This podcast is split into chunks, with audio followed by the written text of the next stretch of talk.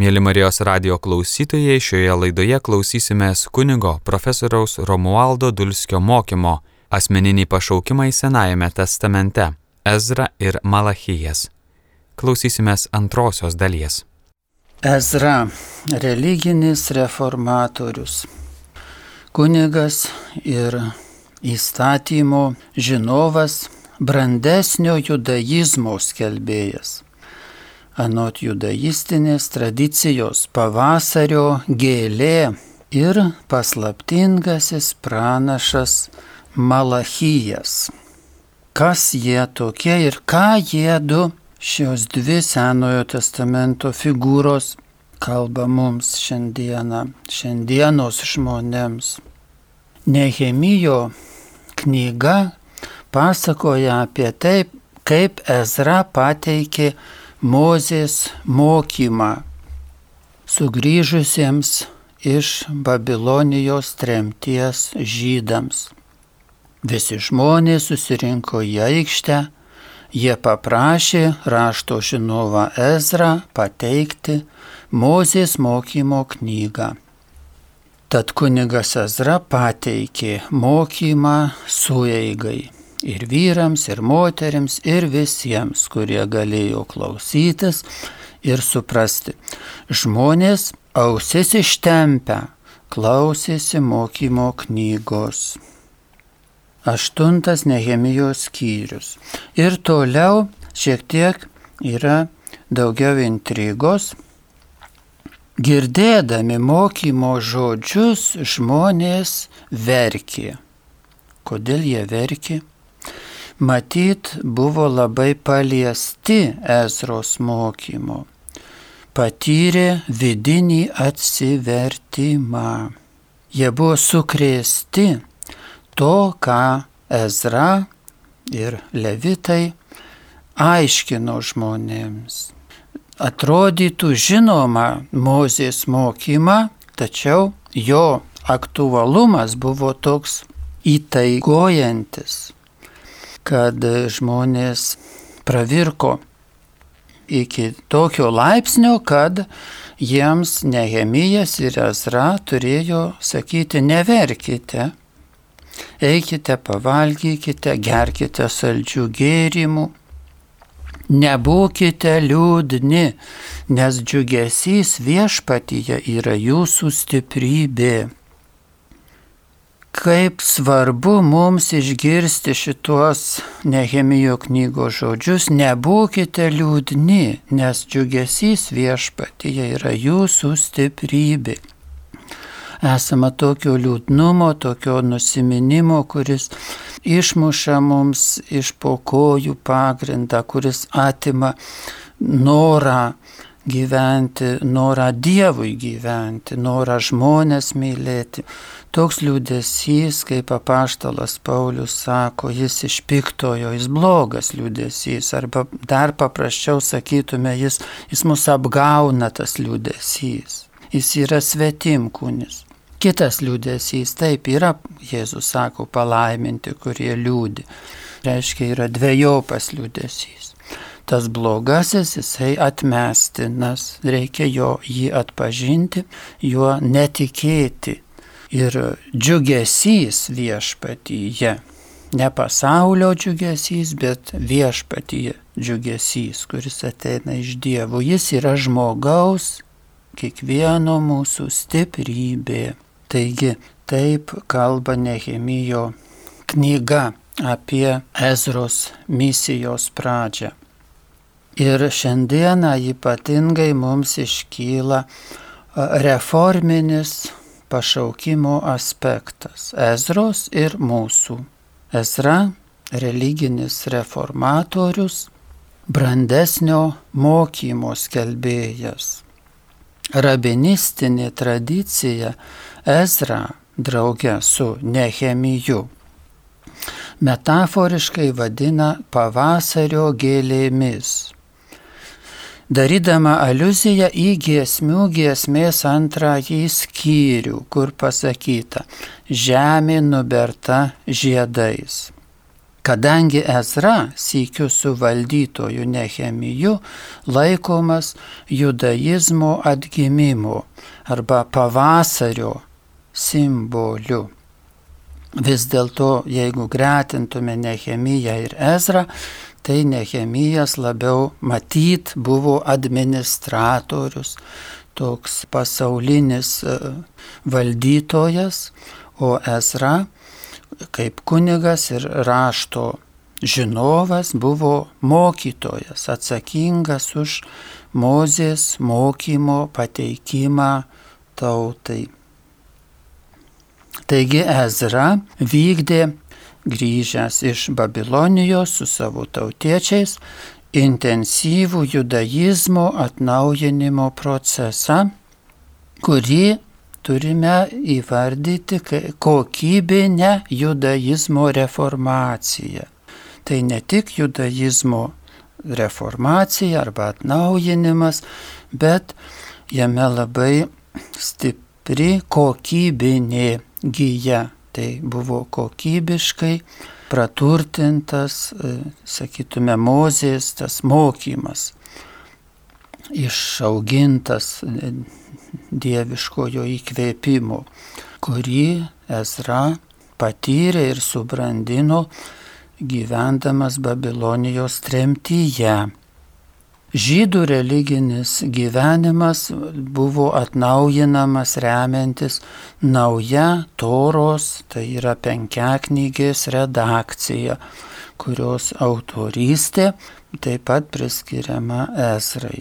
Taigi Ezra praturtino tą mokymą savo gyvenimo patirtimis, Babilonijos tremties patirtimis kokie buvo tie nauji ir brandesni judaizmo aspektai Ezros mokyme. Visų pirma, Ezra skelbė visišką monoteizmą, tai yra jis pranoko pirmosios šventyklos arba iki tremtinėme judaizme vyravusi monolatrizmą, tai yra vien savo tautos dievo garbinimą besilaikiusi požiūrio, kad Jahve yra Dievas tarp kitų dievų.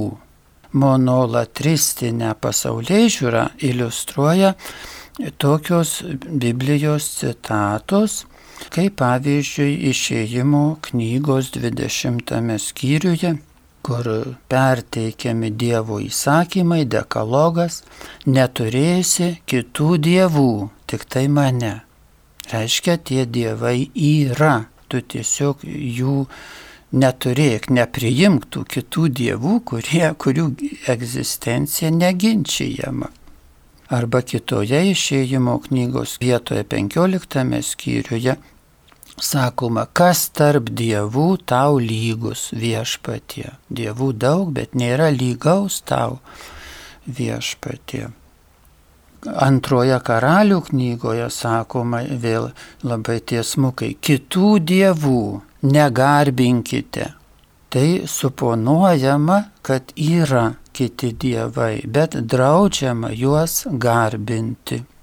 Toks buvo pirmosios šventyklos iki tremtinis judaizmas, kur pranašo Jeremijo 25 skyriuje sakoma, nesekiokite paskui kitus dievus, jiems netarnaukite ir jų negarbinkite, kitus dievus, kurie iš tikrųjų, kurių egzistencija mums, sakytume, to laiko žmonėms nekėlė abejonių.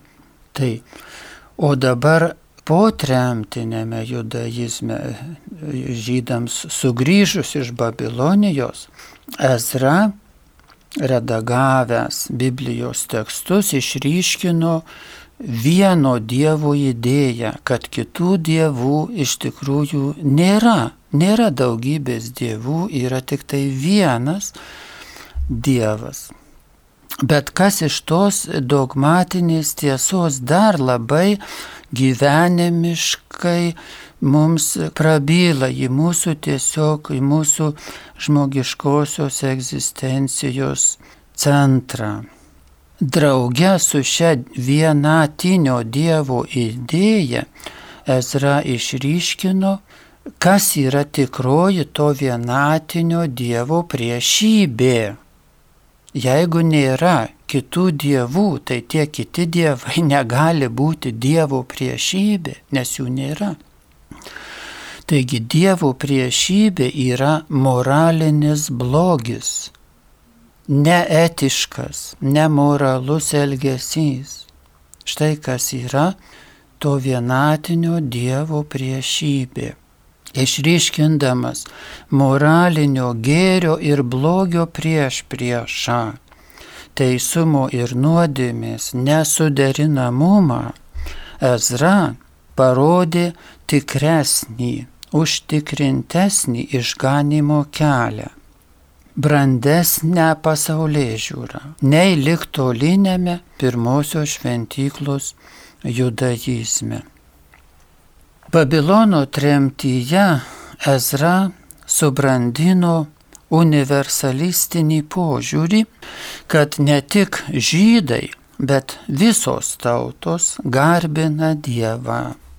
Kai perteikiama Malachijo pirmame skyriuje 11 eilutėje. Visur smilkalai ir švarios atnašos aukojamos mano vardui, nes didis yra mano vardas tautoms, kalbėjo galybių viešpats. Citatos pabaiga. Malachijo knygoje sakoma, smilkalai ir švarios atnašos mano vardui aukojamos visur. Kur tas visur?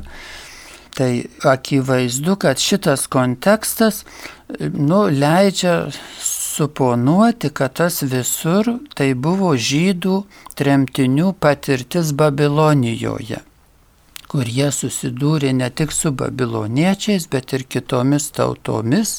Ir jų supratimas buvo toks ir matyt tam supratimas apie tai, kad reiškia tos tautos aukoja smilkalus ir kitas atnašas vienatiniam Dievui, kurį vadina kitais vardais, bet tam pačiam Dievui. Ir Malachijas tą įvardina. Ir matysime netrukus toliau, kad Malachijo knyga perteikia Ezros pasaulyje žiūrą. Taigi Ezra savo tautiečius mokė asmeninėme ir visuomeninėme gyvenime vadovautis Mozės mokymu.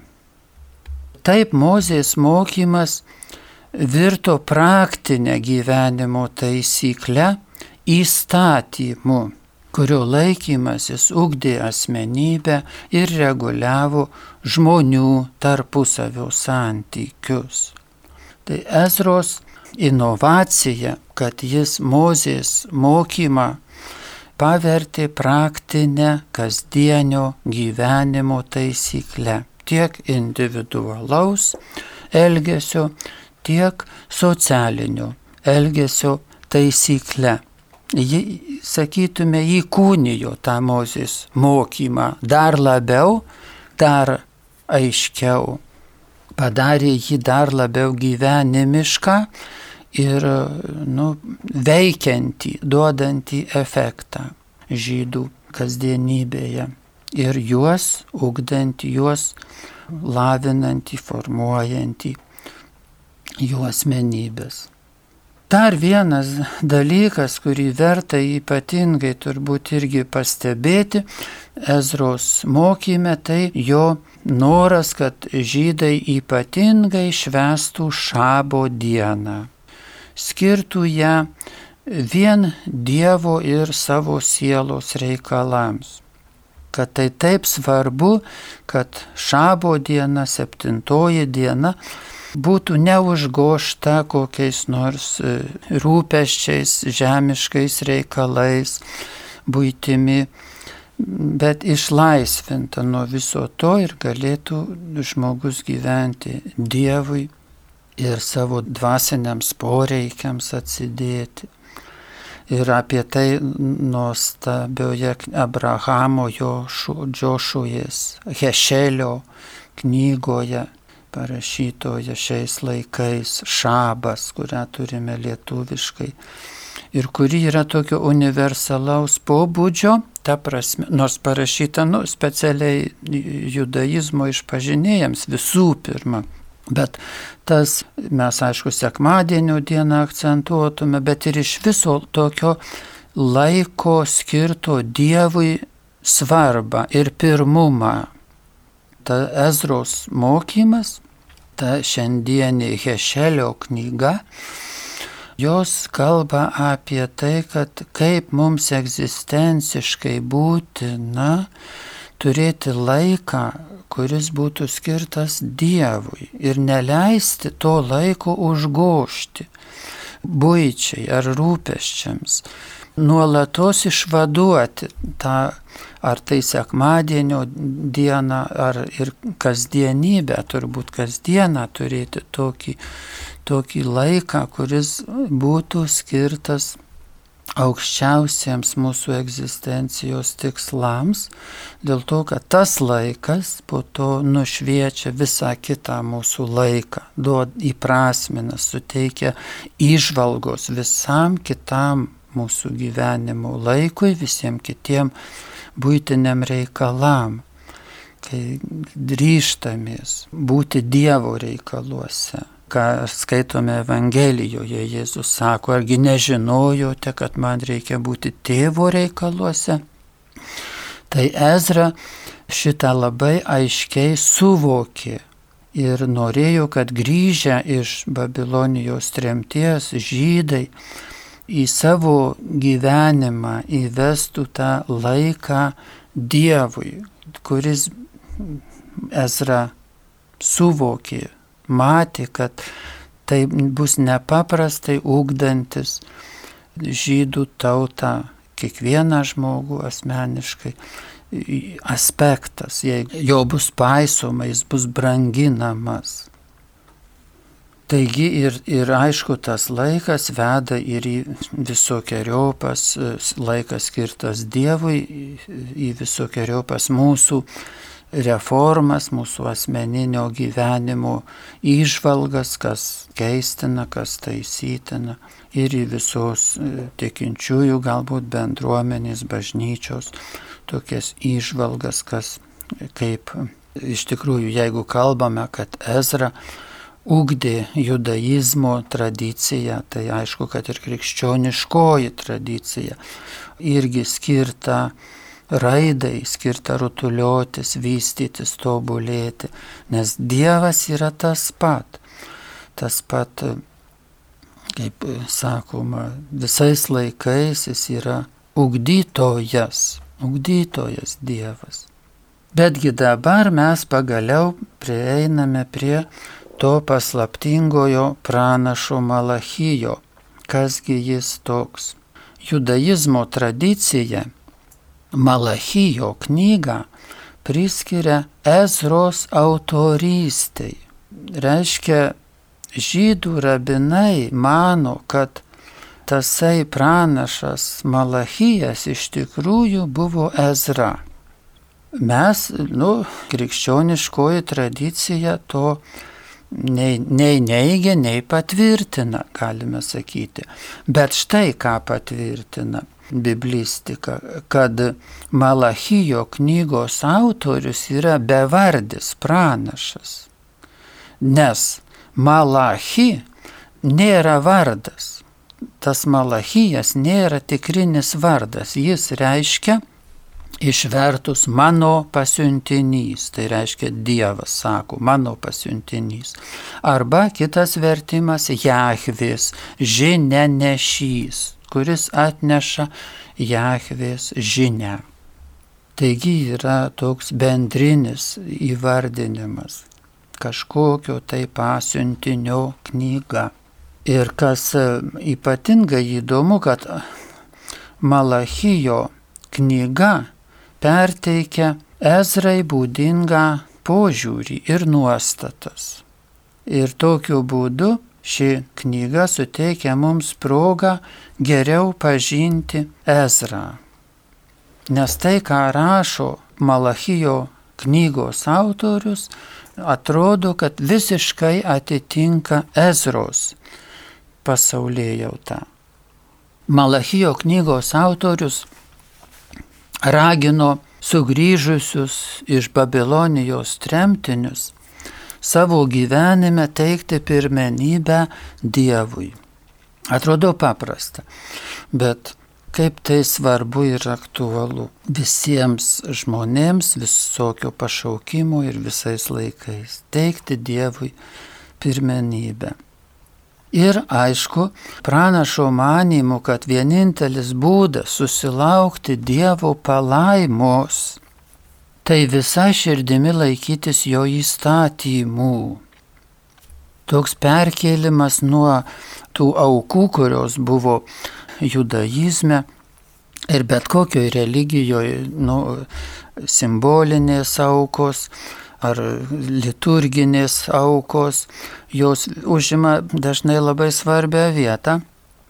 Jos nepanaikinamos, neatšaukiamos Ezros mokyme, bet akcentas dedamas į Dievo įsakymų laikymasi. Kad Dievas žiūri per liturginės savo pareigas žmogus turi subręsti kaip asmenybė. Visas liturginis gyvenimas skirtas, kad mes kaip dvasinės ir moralinės būtybės galėtume bręsti. Kitas akcentas Malachijo knygoje tai teisingos intencijos arba teisinga motivacija Ir pranašas priekaištauja tautai, kad ji neteikia Dievui deramos garbės ir pagarbos. Jei esu tėvas, tai kur yra man priklausanti garbė, klausia pranašas. Ir jei esu šeimininkas, tai kur yra man priklausanti pagarba. Malachijo pirmame skyriuje šeštoje eilutėje tauta ir net kunigai nesuvokia, koks apgailėtinas jų gyvenimo būdas. Tame pačiame pirmame skyriuje pranašas sako, jūs klausėte, kuo mes paniekinome tavo vardą. Citatos pabaiga. Nesuvokia. Žmonės ir kunigai, nu paradoksalu kuo mes paniekinome tavo vardą. Ir tai turbūt būdinga visų laikų žmonėms tas toks nesuvokimas, ar nenoras kartu suvokti, ar ir, ir su tuo nenoru, ir tikras nesuvokimas. Ir čia labai skausminga iš tikrųjų Malachijo knygos autorius kalba, toliau sakydamas, Oi, kad kas nors iš jūsų užrakintų šventyklos duris, nebekurtumėte ugnies tuščiai ant mano aukuro, nemalonus jūs man. Atnašų iš jūsų rankų nepriimsiu ir taip toliau. Bet po to jis vėl prisimena, kitas tautas ir visur smilkalai ir švarios atnašos aukojamos mano vardui, nes didis yra mano vardas tautoms. Čia mūsų didžiojo įžymiojo biblisto Antano Rūpšio komentaras pridėtinas ir atkreiptina turbūt mums į jį dėmesį, Jisai sako, nenuoširdžios judėjos gyventojų aukos viešpačiui nepatinka, dėl to, kad jos nenuoširdžios. Ir jam labiau patinka pagonių tautų aukos. Nu, atrodytų kažkas šokiruojančio, bet taip yra, taip Dievas, nu, jis gal per pranašą taip ir nori supurtyti žmonės. O gal ir iš tiesų e, jam labiau patinka pagonių tautų aukos, nu gal jos nuoširdžiai aukojamos. Tai va. Ir Antanas Rupšys sako, tos pagonių aukos paankstina tyrą mesijinių laikų auką, vienkartinę ir visuotinę mesijo auką. Malachijas bendru sutarimu, kas jis bebūtų, ar jis buvo Ezra, ar tas nežinomas pranašas, bendra nuomonė yra ta, kad jis buvo kunigas. Kadangi jis ypatingą dėmesį kreipia kunigo pašaukimui ir kunigo tarnystė ir tai kunigiškajai problematikai jeigu sakytume, koks čia visiems žmonėms, koks čia aktualumas, tai galėtume tai sėti su profesinė savo problematika. Ta, ką Malachija sako kunigam, galėtume sakyti, kad tai nu, tiesiog galima pritaikyti pagal savo kiekvienam žmogui, pagal savo profesiją, kad taip atlikti. Arba taip neatlikti, dėl ko Malachijas nusiskundžia jisai kaltina juos savo laiko kunigus. O dabar kunigai šis įsakymas yra jums. Jei neklausysite ir nepaimsite į širdį, kad reikia gerbti mano vardą, prakeiksiu jūs, baisu žodžiai. Ir pakeisiu visą, kas neša jums palaimą prakeikimu. Suvedžiojote daugelį savo mokymų, sulaužėte levio sandorą, šališkai elgėtis mokydami. Malachijo antrame skyriuje skausmingas Dievo nusiskundimas ir, ir labai, labai skaudus žodžiai, kuriais šiandieną jau mums neįprasta juos tokius girdėti. Toliau Malachijas kalba apie tą pavyzdingą kunigą, koks turėtų būti. Arba mes galim galvoti apie kiekvienos profesijos žmogų, koks jis turėtų būti, bet kurios profesijos žmogus. Bet Malachijas turi galvoj kunigą. Jis gyveno jausdamas mano vardui pagarbę baimę tikras mokymas ėjo iš jo burnos. Na ir taip toliau. Taigi, galutinis turbūt toks aspektas Malachijo trečiame skyriuje tai ypatinga viltis ir perspektyva, kai pranašas kalba apie būsimą viešpaties dieną, kuri irgi būti sėtina su Babilonijos kultūros patirtimis. Taigi Malachijas skelbė viešpaties dieną, kuri sykiu gali būti suprasta dviejopai, kaip mesijo ateimo metas ir kaip paskutiniojo teismo diena. Anu metų žydus patirtos neteisybės ir vargai verti klausti, kur yra Dievo teisingumas. Pranašas atsako, kad ateina viešpaties diena. Ta diena Dievo lėmimu pasaulyje įsivyraus harmonija ir teisingumas suklestės.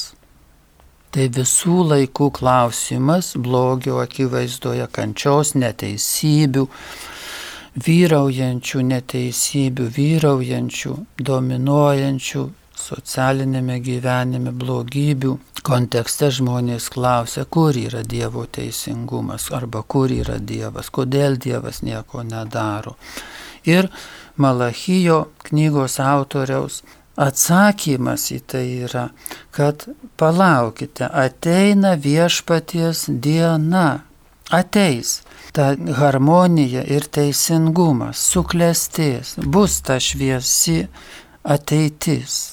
Todėl, nu, čia turbūt reiktų suprasti, kad jūs, nu, taip neįkriskite į nusiminimą, nenuleiskite rankų, nesusitaikykite su tuo blogiu, patys netapkite blogi, kai matote blogį aplinkui, patys nepradėkite būti neteisingi, kai matote neteisybės, bet laikykitės gėrio ir teisumo, dėl to, kad tai yra žmonijos istorijos perspektyva. Malachijo knygos autorius pranašauja ateisiant Dievo pasiuntinį. pasiuntinio įvaizdis asocijuojasi su mesiju, o galbūt su Jonu Krikštytoju. Tačiau stipriai pabrėžiama jo kaip teisėjo funkcija. Citatos pradžia. Siunčiu savo pasiuntinį pirmą savęs parengti man kelio bet kas gali ištverti jo ateimo dieną ir kas gali išsilaikyti jam pasirodžius. Juk jis yra kaip lydytojo ugnis ir kaip skalbėjų šarmas. Jis sėdės kaip sidabro lydytojas bei valytojas ir jis valys levio palikonis bei lydys juos kaip auksą ir sidabrą tol, kol jie neaukos teisumo atnašų viešpačiui. Citatos pabaiga.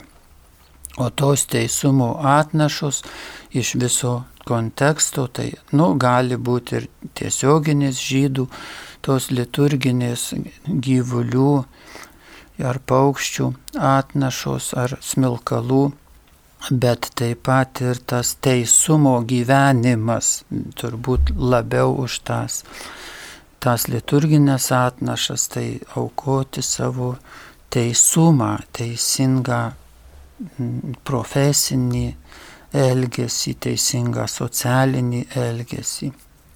Apie tai kalbama Malachijo trečiajame skyriuje. Ir toliau, arti ta diena, liepsnojanti kaip krosnis, visi įžulieji ir nedorėliai bus ražiena ateinanti diena juos sudegins. Bet jums, bijantiems mano vardo, patekės teisumo saulė, skleidžianti, gydančius spindulius. Jūs išeisite, šokinėdami tarsi veršiukai išleisti iš gardo, kalbėjo galybių viešpats. Iš tikrųjų, mums visuomet svarbu turėti kažkokią tai ypatingai šviesę viltį, perspektyvą. Nes ne dėl to, kad kažkaip mes užmirštume dabartį, bet kaip tik dėl to, kad dabartyje turėtume jėgų, stiprybės gyventi tą šviesą, kuri ateina iš Dievo. Ir ką dabar apibendrindami galėtume pasakyti apie didįjį rašto žinovą kunigą ir Izraelio mokytoją Ezra ir kuo jis mums kiekvienam šiandieniam žmogui, kiekvienam krikščioniui, kiekvienam lietuviui, kiekvienam, nu, šiandienos tiesiog mūsų piliečiui, kuo jis aktualus, ką jis sako tau ir man. Taigi kiekvieno mūsų pašaukimui galime iš Ezros tuos tris dalykus savo kaip nors pritaikyti. Kad jis, nors jis kaip kunigas ir kaip antrasis mozė, jau gražiai iškilmingai įvardintas antruoju moze, bet kas aktualu mums, kad Ezra rūpinosi perskyra tarp moralinio gėrio ir moralinio blogio. Tai reiškia, kaip svarbu rinktis gėrį visuomet visose aplinkybėse, naudingose ir nenaudingose. Rinkis gėrį, kada tau naudinga, bet kada tau nenaudinga, kada tau nuostolinga, rinkis gėrį, štai kur ir išganimo kelias ir atmesk blogį netgi tada, kai tau būtų naudinga kaip nors jį pasilaikyti, atmesk blogį. Tai yra Ezros, Ezros pozicija, jo pamokymas. Antrasis dalykas, ką iš jo mes galime išmokti, kad jis visa širdimi buvo atsidėjęs kaip rašto žinovas mokslingumui arba mokymuisi, arba mokinystei. Ezra davė mums pavyzdį, kaip svarbu norėti būti ne tik Dievo, Dievo garbintojų, jo sekėjų, bet jo mokiniu, mokytis. Nes didysis Dievo garbinimas turbūt pats esmingiausias įvyksta tada, kai mes esame jo mokiniai ir sekimas jo yra ne kas kita kaip mokinystė, būti mokiniu, būti, bandyti būti panašiu į, į Dievą arba į, į Kristų. Ir trečiasis aspektas, kurį Ezros gyvenime matome, tai tą reformatoriaus pašaukimą, kai jis suvokė nepaliaujamą, sakytume, žmonijos raidą ir ugdantį Dievo išganimo ekonomijos pobūdį. Ir tada jis galėjo Ezra didžiadvasiškai atsiverti tiems Dievo įkvėpimams, kurie vedė į naują ir brandesnį judaizmą. Ir mums verta suvokti nepaliaujamą žmonijos ir krikščionijos raidą ir ugdantį Dievo išganimo istorijos pobūdį, kuris ugdo visuomenę tikinčiųjų visuomenę, bažnyčią, nori ją ugdyti ir nori ugdyti kiekvieną iš mūsų. Šioje laidoje klausimės kunigo profesoriaus Romualdo Dulskio mokymo Asmeninį pašaukimą į Senajame testamente Ezra ir Malachijas. Girdėjome antrąją dalį. Likite su Marijos radiju.